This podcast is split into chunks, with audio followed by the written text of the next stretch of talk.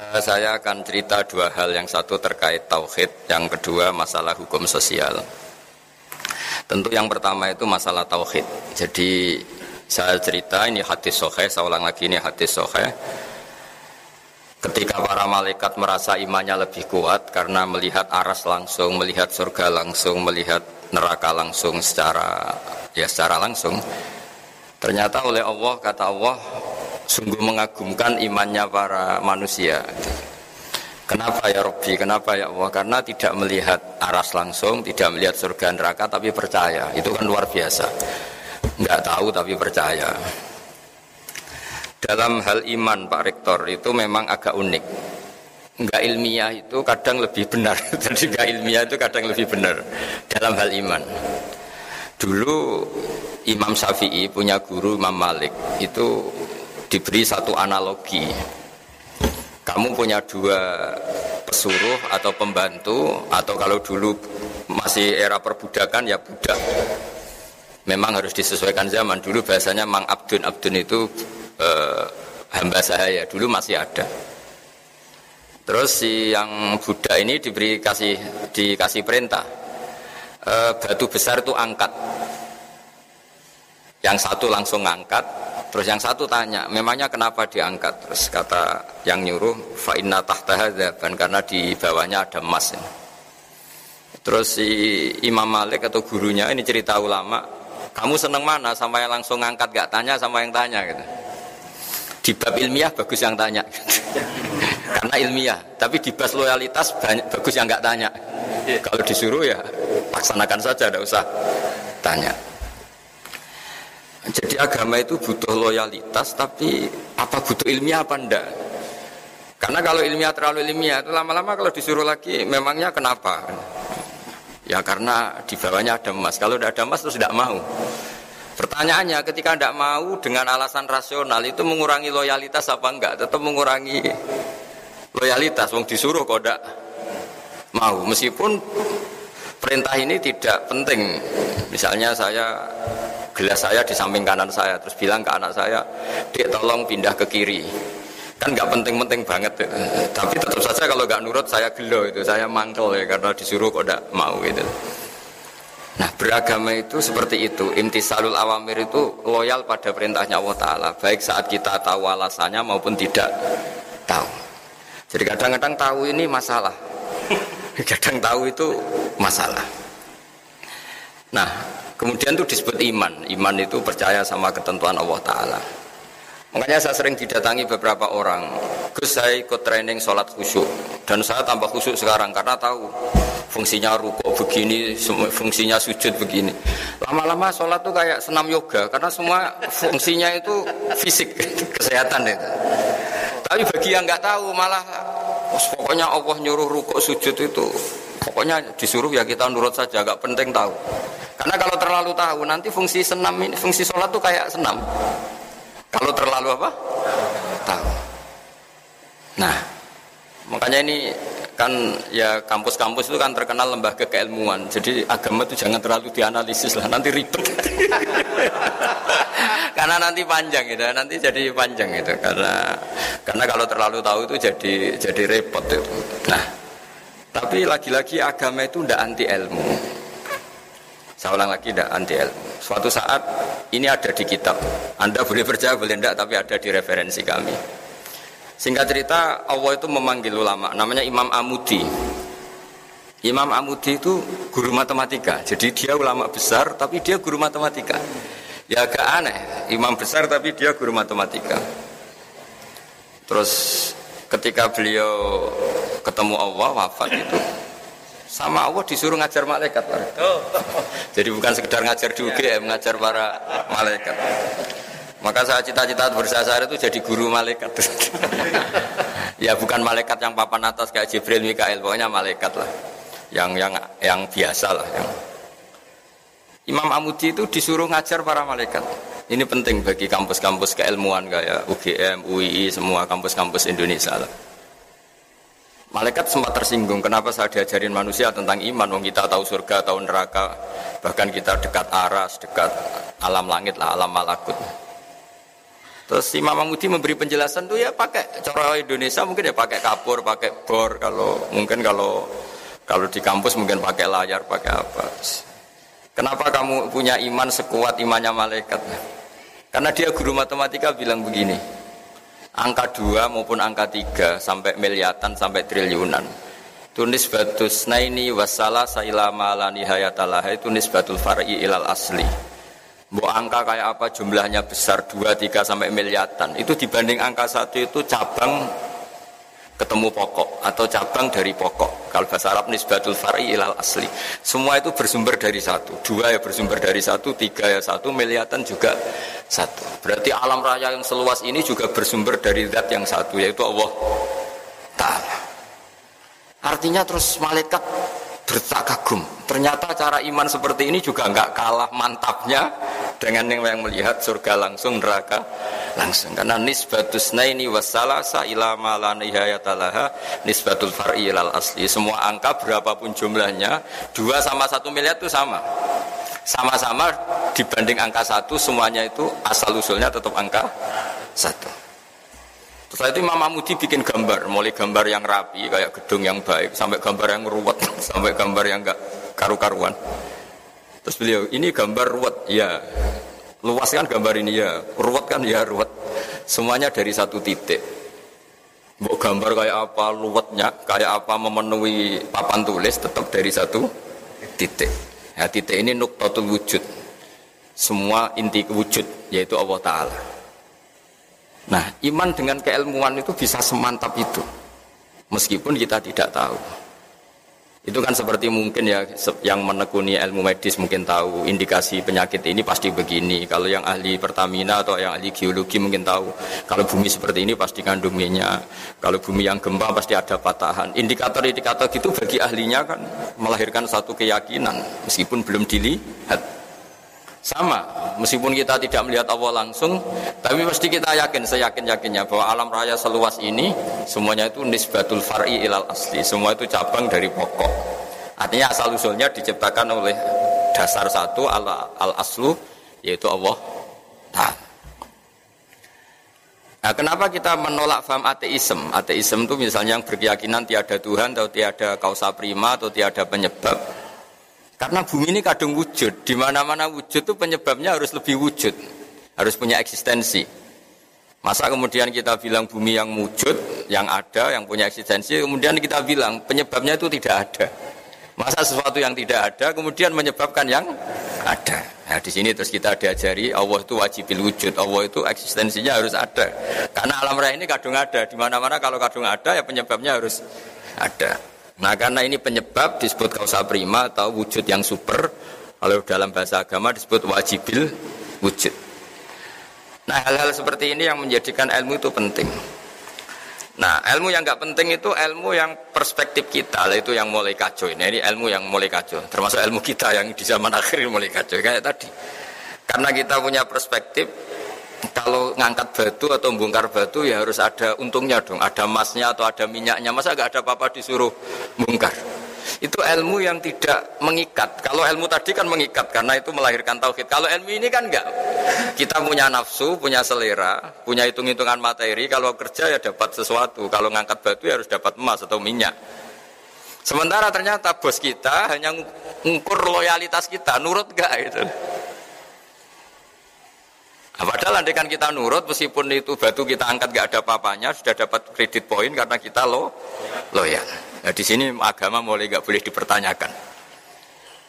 Gak boleh agama itu dipertanyakan kenapa duhur itu empat rakaat, yang subuh dua rakaat.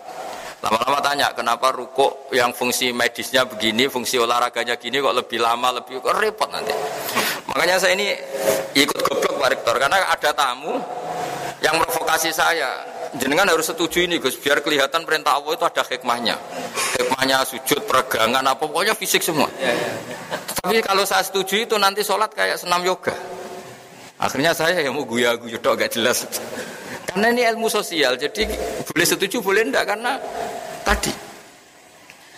Nah orang yang tadi disebut Pak Munjid tadi yang dari pasar gelap tadi itu mikir agama nggak mau jelimet Padahal ada ilmu yang permanen yaitu yang mengarah ke tauhid. Ada ilmu yang nggak perlu permanen yaitu ilmu sosial.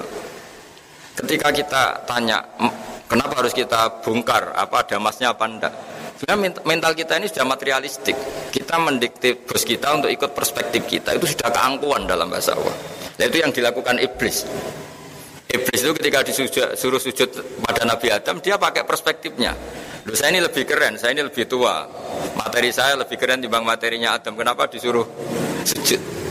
Nah ini yang menjadi keangkuhan. Dia mendikte Allah untuk ikut perspektif dia. Padahal Allah maunya itu ya sudah nurut saja yang merintahkan saya.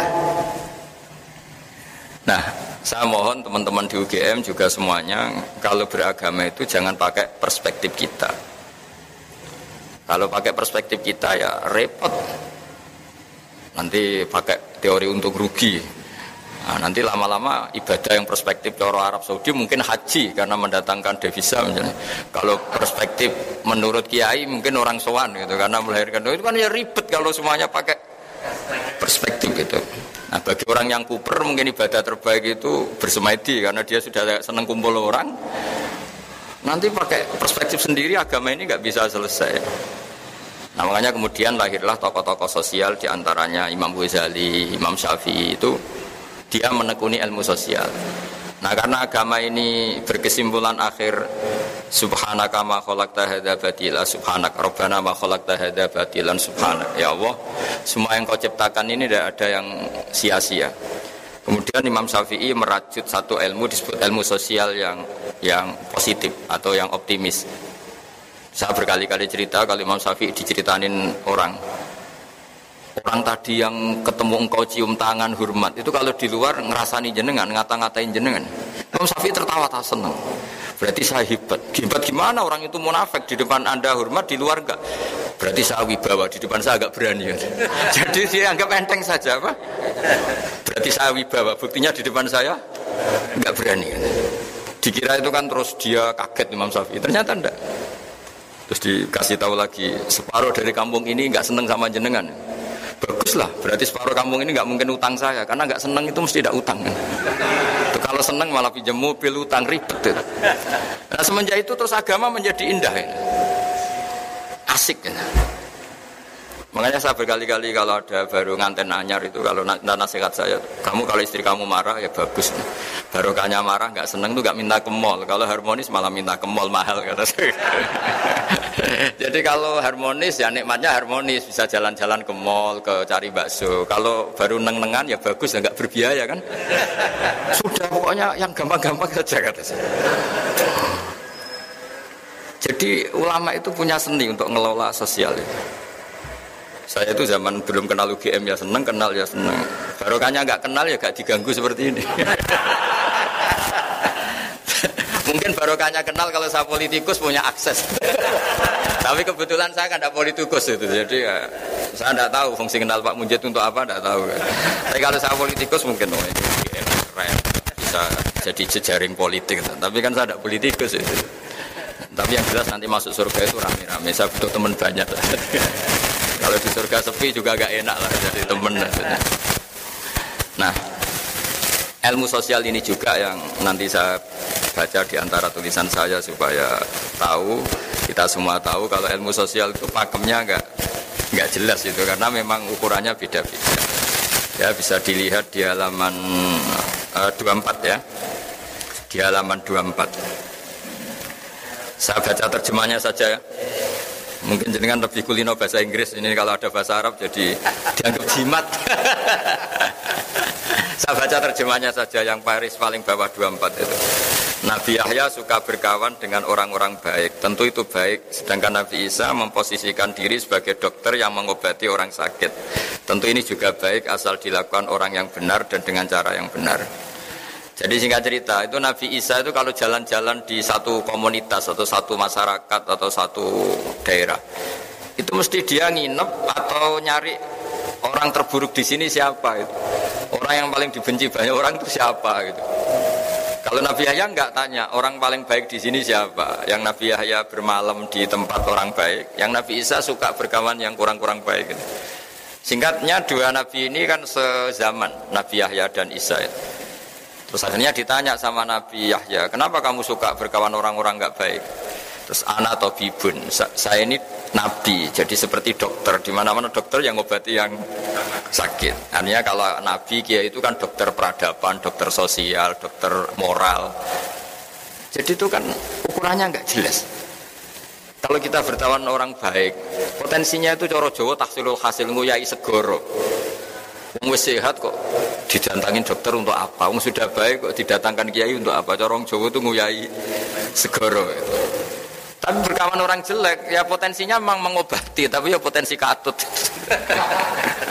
Karena ya iman pas-pasan. Jadi kan, tapi itu kan satu ilmu bahwa kalau kita ingin mengentas kejahatan atau mengentas kebodohan, mau tidak mau harus mau bersosialisasi kan. Makanya saya sering ketemu banyak kiai kalau ditanya, Gus berteman orang jelek itu gimana? Haram atau saya. Tapi kalau membina orang jelek baik dan bisa bina kalau berteman kan bulat-bulat. bulat-bulat. Jadi logika yang dibangun kan berteman orang jelek haram, membina orang jelek baik. Bisa bina kalau berteman.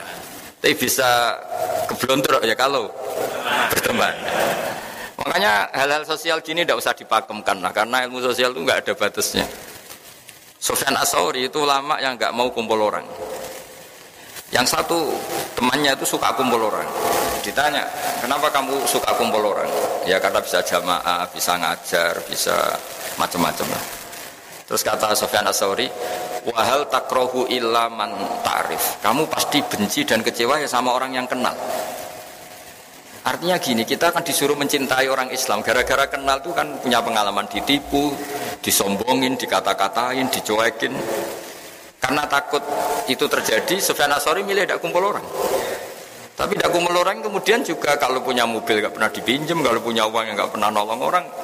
Jadi efeknya sama-sama bisa iya bisa enggak. Itu nggak ada batasannya. Saya termasuk kiai yang jarang pergi sama istri karena ya pikiran saya sederhana di rumah ketemu masa di perjalanan ketemu itu kan bisa bosen itu tapi ada yang sama istrinya pergi bareng terus karena selain nemani juga sambil ngawasi. Gitu. itu kan batasan sosial itu enggak enggak jelas. Jadi apa ya? Makanya tadi kalau ditanyakan tadi Pak Rektor juga tanya berteman non muslim berteman ya itu enggak ada selesainya seperti itu karena saya juga pernah matur sama Bu Ova karena tadi kalau kita misalnya di jadi dokter terus ngobati orang yang potensi korupsi lagi, potensi jahat lagi. Gimana hukumnya menyembuhkan orang yang potensi jahat lagi ya. dan punya jejak memang jahat gitu. Ya pertanyaannya bagaimana kalau barokahnya kamu obati terus simpati terus jadi baik. Tapi ya terlalu ada pertanyaan bagaimana gara-gara kamu obati jadi bisa jahat lagi. Kan nggak ada selesai. Kita berkawan non muslim ya gitu. Kalau orang Islam kita baik, barokahnya itu mungkin tertarik sama Islam. Tapi bisa saja karena kebaikan kita sarana itu dipakai yang tidak baik. Itu siklus sosial itu enggak enggak pernah selesai. Nah hal-hal seperti itu yang kata Nabi disebut orang yang beristihad jika benar pahalanya dua, jika salah pahalanya satu. Karena ini, tapi ini yang sosial loh ya. Kalau tauhid ya hanya tunggal tadi, karena tauhid itu kebenaran tunggal. Sehingga kalau di tauhid nggak nerima konsep kecuali fama ba'dal haqqi dolal. Kalau nggak benar ya pasti salah. Nah, kebetulan ilmu tauhid itu ilmu yang mudah dicerna manusia. Nah, di sinilah kenapa Allah itu tetap saja ngendikan inna dina inda wahil Islam. Karena setelah Imam Amudi tadi men mencontohkan pentingnya iman sama al-wahidul ahadus somat, dat yang tunggal, yang satu, yang esa, entahlah terjemahnya al-wahid itu. Itu karena diterjemah Indonesia itu nanti padanan Arabnya kadang tidak pas. Makanya sering ngeluh saya dengan Profesor Zaini Pak Kures itu. Kadang ngeluh karena terjemahan Arab itu tidak mudah diterjemahkan Indonesia. Tapi apa pun itu kan setelah kamu ngaji matematika atau ngaji ilmu apa saja tadi saya punya kitab dulu diajarin Mbah Mun. Itu satu kitab itu gambar. Mulai gambar gedung sampai gambar pohon sampai gambar sapi Ternyata itu hanya untuk menjelaskan apa pun ruwetnya gambar ini dimulai satu titik. Apa pun alam raya seluas ini ada Mars, ada Jupiter, ada apa saja ya dimulai dari satu titik yaitu nuktatil wujud, yaitu wujudnya Allah Subhanahu Angka sampai miliar triliun ya sama dimulai dari angka satu. Nah, kita untuk memantapkan tauhid itu udah harus sampai nyun sewu ketemu Allah atau melihat surga langsung neraka langsung dengan kekuatan akal kita ini sudah cukup. Makanya agama ini di kaum yakilun, di kaum yatafakkarun bagi yang mau berpikir. Nah ini yang kebenaran hakiki. Tapi kalau kebenaran sosial tadi itu nggak jelas. Makanya saya kalau guyon dan itu guyon yang ilmiah, itu ada orang itu perempuan jelek, saya berkali-kali cerita itu jelek, miskin lagi. Terus sama suaminya ke saya, Gus doain saya jadi orang kaya. Saya guyonin itu. Nanti kalau suami jenengan kaya, pertama yang dievaluasi itu rumah, rumahnya diganti jadi bagus. Mobilnya jadi ganti. Lama-lama yang dievaluasi jenengan. rumah sudah bagus, mobil bagus, tapi istrinya ini yang nggak layak gitu. Akhirnya terus bagus miskin aja. Gitu.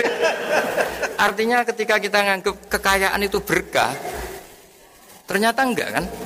Orang yang mulai berpikir macam-macam kan ya karena mapan itu. Yang di, yang dievaluasi kan rumah selesai, mobil mobil selesai. Lama-lama yang dievaluasi apa? Istri. Nanti kalau yang istri yang kaya yang dievaluasi suami.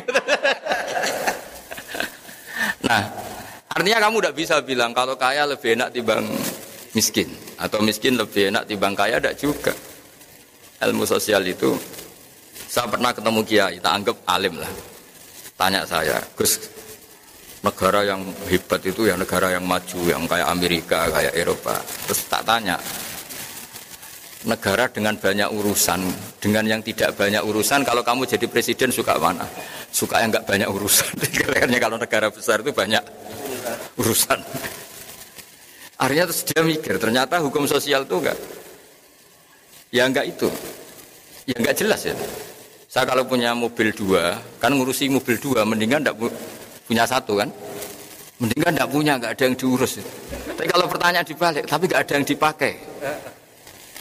Tapi kalau punya mobil banyak, hebat mana manusia yang diperbudak mobil sama yang enggak, bagus yang enggak. Caranya gimana? Ya enggak punya mobil, tapi kalau dibalik tanyanya, hebat mana manusia yang punya sarana sama enggak? Bagus yang punya sarana. Jadi ilmu sosial itu boleh dibolak. Bolak balik.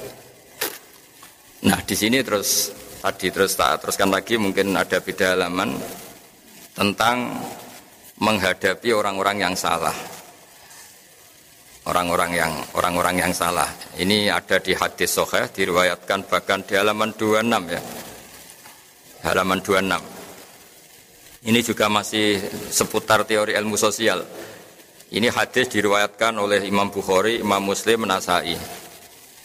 E, terjemahnya di halaman 27. Ada seorang alim soleh berderma kepada Zania, semacam orang nakal ya. Tentu jadi gunjingan yang tidak sedap. Hari berikutnya berderma lagi kepada pencuri, tentu memantik gunjingan lagi. Berikutnya berderma lagi kepada orang kaya, tentu ini pun dikritik banyak orang.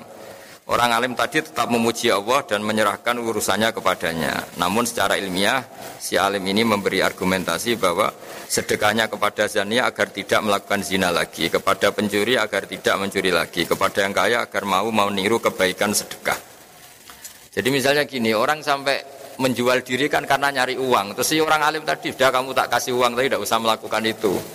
Orang ingin nyuri kan juga karena nyari uang. Sudah kamu tak kasih uang, tapi tidak usah mencuri lagi. Artinya gini, hukum sosial itu gimana itu kan masa misalnya kalau sampean ustadz ustadz masih amati terus ngasih orang gitu kan dianggap order kan ya resiko kan. Tapi barokahnya ngasih mungkin terus orang itu simpati sama ustadz ingin toh tobat. Itu kan nggak pernah ada ukurannya. Tapi nggak usah dicoba. Kalau dicoba jangan-jangan memang ingin mau makai kan ya ribet. Artinya ini cerita loh, ini diceritakan diriwatkan oleh Imam Bukhari. Karena ilmu sosial itu ukurannya gak, ya sudah gak usah diputuskan. Namanya sesuatu yang sosial itu gak usah dipakemkan. Makanya saya kemarin yang pas ngaji sama kagama, saya berteman Pak Rektor ini baik apa enggak ya tidak tahu. Bisa saja tidak baik, karena kenal Rektor UGM kan bisa saya sombong, keren. Wah kalau menyebabkan sombong kayaknya ini tidak baik, saya kenal Rektor kan. Tapi kalau menyebabkan kebaikan yang lebih masif, lebih besar, kayaknya baik. Ya tapi ini ilmu sosial, jadi dilihat saja perilaku saya berikutnya. Barang kenal rektor atau kampus yang nggak maju nyepelekan karena mentang-mentang kenal rektor UGM berarti kenal ini yang tidak baik. Tapi barokahnya kenal, kemudian kurangi pasar gelap tadi ya. mungkin jadi baik. Jadi ilmu sosial kira-kira seperti itu. Saya sering kenal menteri ya dekat kadang-kadang. Ya saya sering bilang ke istri saya, saya dikatakan syukur ya syukur karena bisa melakukan kebaikan lebih masif, lebih lebih general ya, lebih banyak. Tapi saya sebagai manusia jangan-jangan menjadi sombong karena kenal pejabat. Nah kira-kira perasaannya kiai orang baik ngadepi ilmu sosial itu seperti itu. Jadi nggak perlu ada jawabannya Pak Rektor yeah. kalau masalah ilmu apa? Yeah. Sosial tadi baik kita dengan sesama orang baik maupun sama orang nggak baik, sesama non Muslim itu ukurannya hubungannya kita dengan Allah Taala. Makanya ketika Rasulullah masih sugeng masih hidup, itu itu buah ada sahabat disuruh tabiin. Tabiin itu generasi setelah sahabat. Sifli wajah Rasulillah tolong beritahu saya kayak apa wajahnya Nabi. Itu sahabat ini nunggu kenapa engkau nangis? Saya tidak pernah lihat wajahnya Nabi. Loh, anda kan sahabat. Iya berpuluh-puluh tahun saya dari Nabi tapi tidak lihat wajahnya. Ada yang ditanya langsung cerita. Wajahnya gini gantengnya begini senyumnya gini. Terus ditanya kenapa kamu nggak nggak lihat wajahnya Nabi? Yang anda sahabat. Saya tuh saking hormatnya, jadi tidak berani melihat. Yang satu saking senengnya saya melihat terus, jadi yang satu bisa sama-sama niat hormat, tapi cara perilakunya beda. Nah, contoh kedua ini agak menyinggung Anda, tapi semoga agak tersinggung. Ada sahabat yang nggak pernah sowan Nabi, jadi kalau jamaah sering dia makmum Nabi, dia nggak pernah sowan. Kenapa ya? Takut. Jadi dia datang jamaah saja tapi tidak sowan. Ada yang senang sowan karena bisa komunikasi, bisa tanya. Ada yang milih gak sowan, takut ganggu. Jadi artinya hukum sosial ini ukurannya enggak. Jadi misalnya itu tadi. Misalnya ada orang jadi rektor di UGM atau UI atau jadi dekan. Kalau sering pulang kampung baik enggak? Ya mungkin baik biar ngerti kampungnya kayak apa. Meskipun prestasi di Jogja jangan-jangan kampungnya terbelakang. Dari segi itu baik. Tapi dari segi sering pulang kemudian di situ ada ketua setai atau ketua kampus-kampus yang nggak maju. Jadi mahjub. Gara-gara ini sering pulang, aktor-aktor di situ ini tenggelam. Baik nggak sering pulang lah kira-kira gitu. Karena kalau sering pulang, lakon-lakon di situ bintangnya jadi tenggelam. Sampai-sampai kamu situ mau nunggu apa saja keputusannya nunggu Pak Rektor pulang, Pak Dekan pulang, profesornya. Ini kan penggoblokan masal ini karena urusan gitu aja kok nunggu tapi kalau nggak pernah pulang juga orang komplain. Wah mentang-mentang jadi orang besar lupa kampung. Itu kan nggak ada Nah di sini kenapa semua nabi itu diajarkan dan disuruh mengajarkan tauhid semuanya tunggal mulai Nabi Adam sampai Rasulullah Shallallahu Alaihi Wasallam. Tapi syariat sosialnya beda.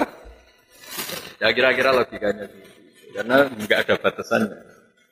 Gaya sosialnya kan beda.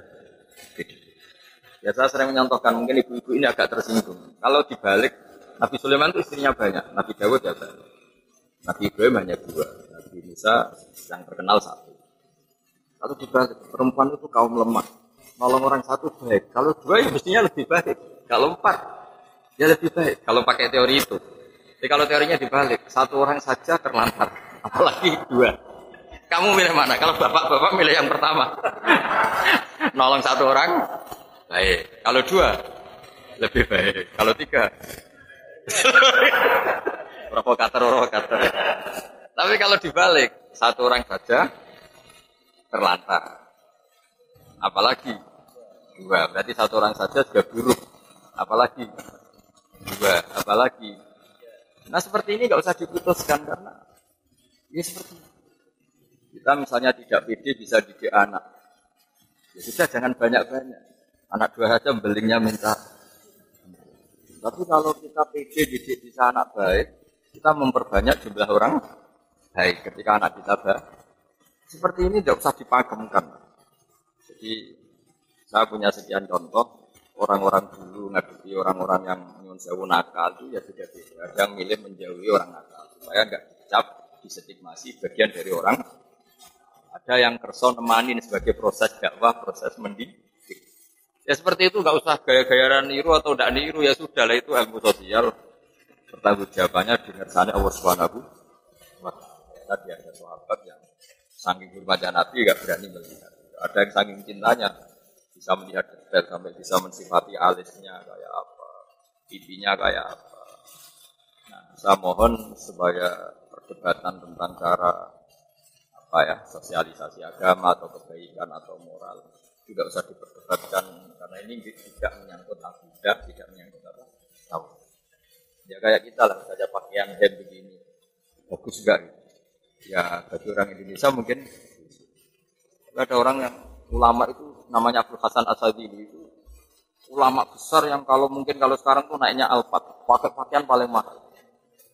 Ke mana-mana pakai pakaian paling mahal? Pakai mobil paling mahal. Padahal ulama besar. Ke kampung-kampung desa-desa. Ketemu ulama yang pakaiannya sederhana agak kumuh. Gejol-gejol kan. Kamu itu lama kok tidak sederhana? Mau pakai baju sederhana baju sederhana? Kamu itu lama kok sederhana? Ngawur sekali barokahnya saya meliti gini mewah gini umatku raka kepikirannya ngoni umatku raka kepikirannya ngoni kok gayane tawaduk ini malah wong kepikiran ngoni akhirnya terus ya juga itu maksudnya ini Ya kayak Pak Mujid misalnya melas gini kan orang wah. itu kan tapi terus si, si yang ulama sederhana juga komplain. Kalau ulama kayak kamu semua itu orang miskin ya, ngenes itu. Nah ini cerita sosial, gak ada jawabannya kan apa? Imam Syafi'i dulu ini cerita terakhir saya. Imam Syafi'i dulu itu pengagum orang miskin. Dia punya guru selalu orang miskin. Setelah datang ke Imam Malik, dia itu guru yang mewah, cara hidup mewah. Mulai komplain ya ini dia kok mewahnya. Setelah itu Imam Malik setelah ilmunya dianggap cukup mengasihi Imam Syafi'i, sudah kamu datang ke Irak, ke Muhammad bin Hasan Asyibani. Setelah datang ke sana itu, emas kiloan nantaan itu Pak Rektor itu di meja. Kalau ngitung uang di meja, uang ratusan juta atau ngitungnya di meja, di meja tamu. Ada tamu ya dibiarin, tetap di meja. Jadi satu peti dipindah ke peti yang lain. Ya, tapi maaf, saya sama Imam Malik ada cocok malah ketemu orang ini. Aduh, ngeri lagi. Karena ini orang alim ya saya tahu. Apa? Kamu heran sama orang alim kaya? Iya sama orang soleh kaya. Iya. Ya sudah, kalau orang soleh gak boleh kaya ini tak kasihkan pencuri, tak kasihkan orang nakal, biar dipakai dugem, dipakai maksiat. Jangan, jangan, jenengan saja yang punya, biar dipakai yang positif. Berarti boleh orang alim kaya, pun, pun, boleh, boleh. Semenjak itu Imam Syafi'i mindsetnya berubah. Ternyata kalau orang baik yang kaya kan manfaatnya kan baik. Tapi kalau yang kaya orang nakal kan bahaya kan. Negara ini juga kata Pak Rektor tadi, kalau moral bangsa ini tidak baik kan semua sarana negara bisa dipakai untuk tidak baik. Jadi kalau pejabatnya baik kan sarana ini untuk keba. Semenjak itu Imam Syafi'i mulai berpikir. Sampai beliau sanging overnya itu bilang orang soleh wajib kaya sampai bilang. Sampai yang miskin tersinggung. Diwajibkan enggak kalau enggak takdir kan enggak bisa kaya. Tapi itu betapa ilmu sosial itu ngalami perubahan juga, ngalami perubahan, ngalami perdebatan. Nah, jadi kalau ada kiai yang di Indonesia kan banyak kiai yang pakai alfa kelihatan kaya itu ada ilmunya. Dan umatnya ada kepikiran nyangon. Yang ribet sudah kelihatan kaya masih butuh disangon itu ribet gitu. Tapi ini kan sosial ya, ribet. jadi nggak ada batasannya. Jadi yang terkenal ya Abu Hasan Asadili yang di Indonesia disebut oleh Bapak Syadili. Itu terkenal sekali penampilannya. Akhirnya terus dua ulama ini betul-betulkan. Kamu berpenampilan sederhana, tapi bikin umat kamu merasa harus nyangon Bagus di tawaduk, tapi tidak bagus di. Mari umat mikir gue. Kamu yang kelihatan kaya, ini bagus di umat gak kepikiran yang ngoni, tapi umat ngenes berkoroh dia juga yang ngono. Nah setelah itu ya selesai, selesai, artinya selesai itu ya jangan ilmu sosial yang monggo saja lah ini ranah sosial, kamu boleh apa saja yang penting bertanggung jawab mengersani Allah Subhanahu. Jadi saya sendiri sebagai kiai juga pernah kepikiran kalau ngaji itu serius. Tapi bapak itu pernah bilang gini, Kak, coba nak jadi kiai nak ngaji guyon aja. Kenapa Pak? Umat terus kakean utang wis sumpek. Wis sumpek barang ngaji mbok sumpek no meneh kata-kata bapak saya gitu. Jadi ya sudah gitu. Itu kan urusan manhaj. Ada kiai yang kalau ngaji itu serius. Ya, mungkin takut ilmu agama itu jadi guyonan. Ini monggo lah. Ini kan apa ranah sosial. Semuanya gak ada batasannya. Nah, itu sirinya, rahasianya kenapa dari sekian nabi, mulai Nabi Adam sampai Rasulullah itu beda-beda manhat sosialnya. Tapi kalau tauhid itu tunggal karena ilmu tauhid itu kayak eksak, kayak ilmu pas pasti. Jadi angka dua, satu triliun, satu miliar itu sama. Semuanya cabang dari angka gambar yang ruwet maupun tidak ruwet tetap dari satu titik. Makanya satu keniscayaan berkeyakinan bahwa ahad Allahu itu enggak tauhid namanya. Tapi kalau sosial pendekatan tadi jadi istri yang dimanja itu bagus ya, ya bagus supaya loyal sama suami. Kalau kelamaan dimanja itu artinya kebutuhannya materi. Lama-lama materi Anda tidak tuh. Tapi kalau milih tidak tirakat, ya bisa saja minggat karena tidak melarat terus. itu kan nggak jelas. Dimanja ya potensi minggat karena kebutuhannya terus besar. Tidak tirakat ya potensi minggat karena nggak betah. Akhirnya terus ya rumusnya kan nggak jelas akhirnya. Ya sudah, gak usah punya rumus. Pokoknya ilmu sosial itu gak usah. Tidak usah rumus ya tadi. Kalau anda rektor, saya misalnya ke Teluk besar sering datang ke kampung-kampung. Itu kan menenggelamkan kiai kampung. Kan kasihan. Kalau ada toko-toko Indomaret atau Alfamaret di kampung-kampung kan kasihan toko-toko yang di Tapi kalau pertanyaan dibalik, orang kampung juga berhak dapat apa? Toko yang misalnya bersih, ber AC. Kalau dibalik itu Gimana ya? Ya ada toko steril bersih. Kalau pertanyaan dibalik, berhakkah orang kampung dapat toko yang baik dan bersih? Jawabannya, ya, yang bisa ngadakan itu ya toko-toko yang besar. Tapi kalau dibalik, bolehkah toko-toko kecil dimatikan yang besar? Tidak boleh. Bolehkah toko besar berkunjung di kampung? Boleh. Bolehkah toko besar memadubkan yang kecil? Tidak boleh. Jadi jenengan jangan sering pulang kampung. Nanti kasihan apa? Ya, terus kalau motor nuwun rawe jenengan dari jelas niku niki guyon tapi serius atau serius tapi guyon. Tapi bahwa ngaji itu harus sering mendengar. Ya, harus sering mendengar. Saya berkali-kali cerita Nabi Ibrahim itu Khalilur Rahman kekasihnya Allah. Suatu saat mau dibunuh, dimatikan, waktunya sudah habis. Israel datang. Uh, ya Ibrahim, Khalilur Rahman, kau kekasihnya Allah hari ini harus meninggal. Karena malaikat itu lugu dibantah sama Nabi Ibrahim. Wal ro'aita khalilan yumitu khalilah. Masa ada kekasih membunuh yang dikasih? Saya ini kekasih Allah. Ada pacar membunuh yang dipacarin pas masih cinta. Ya enggak ada kata. Ah, pasti kamu keliru, salah perintah. Akhirnya Israel lama dari Allah. Logika yang dibangun Ibrahim masa kekasih bunuh yang di Logika itu masuk akal. Israel yang malaikat saja nerima. Padahal biasanya malaikat kan nggak mau nerima logika. Karena terlalu masuk akal. Setelah ketemu Allah, Allah ya namanya Allah kan pinter banget. Raden pinter-pinter banget. Bilang begini ke Ibrahim. Wahal ra'aita khalilan yakrohu ayal khalila. Ada kekasih yang nggak siap ketemu yang dikasih. Ya, apa ada kekasih yang nggak siap ketemu yang dikasih? Hanya kalau meninggal kan ketemu Allah. Ya juga kan. Ya, kembali lagi. Tapi kata Allah begini, apa ada kekasih yang nggak siap ketemu yang dikasih? Ibrahim, oh ya ya, sekarang aja sekarang. akhirnya mau meninggal. Nah bayangkan kalau ilmu seperti ini orang dengar hanya sepihak gitu. Akhirnya agama menjadi keras kan karena satu logika sosial dipakemkan seakan-akan paten.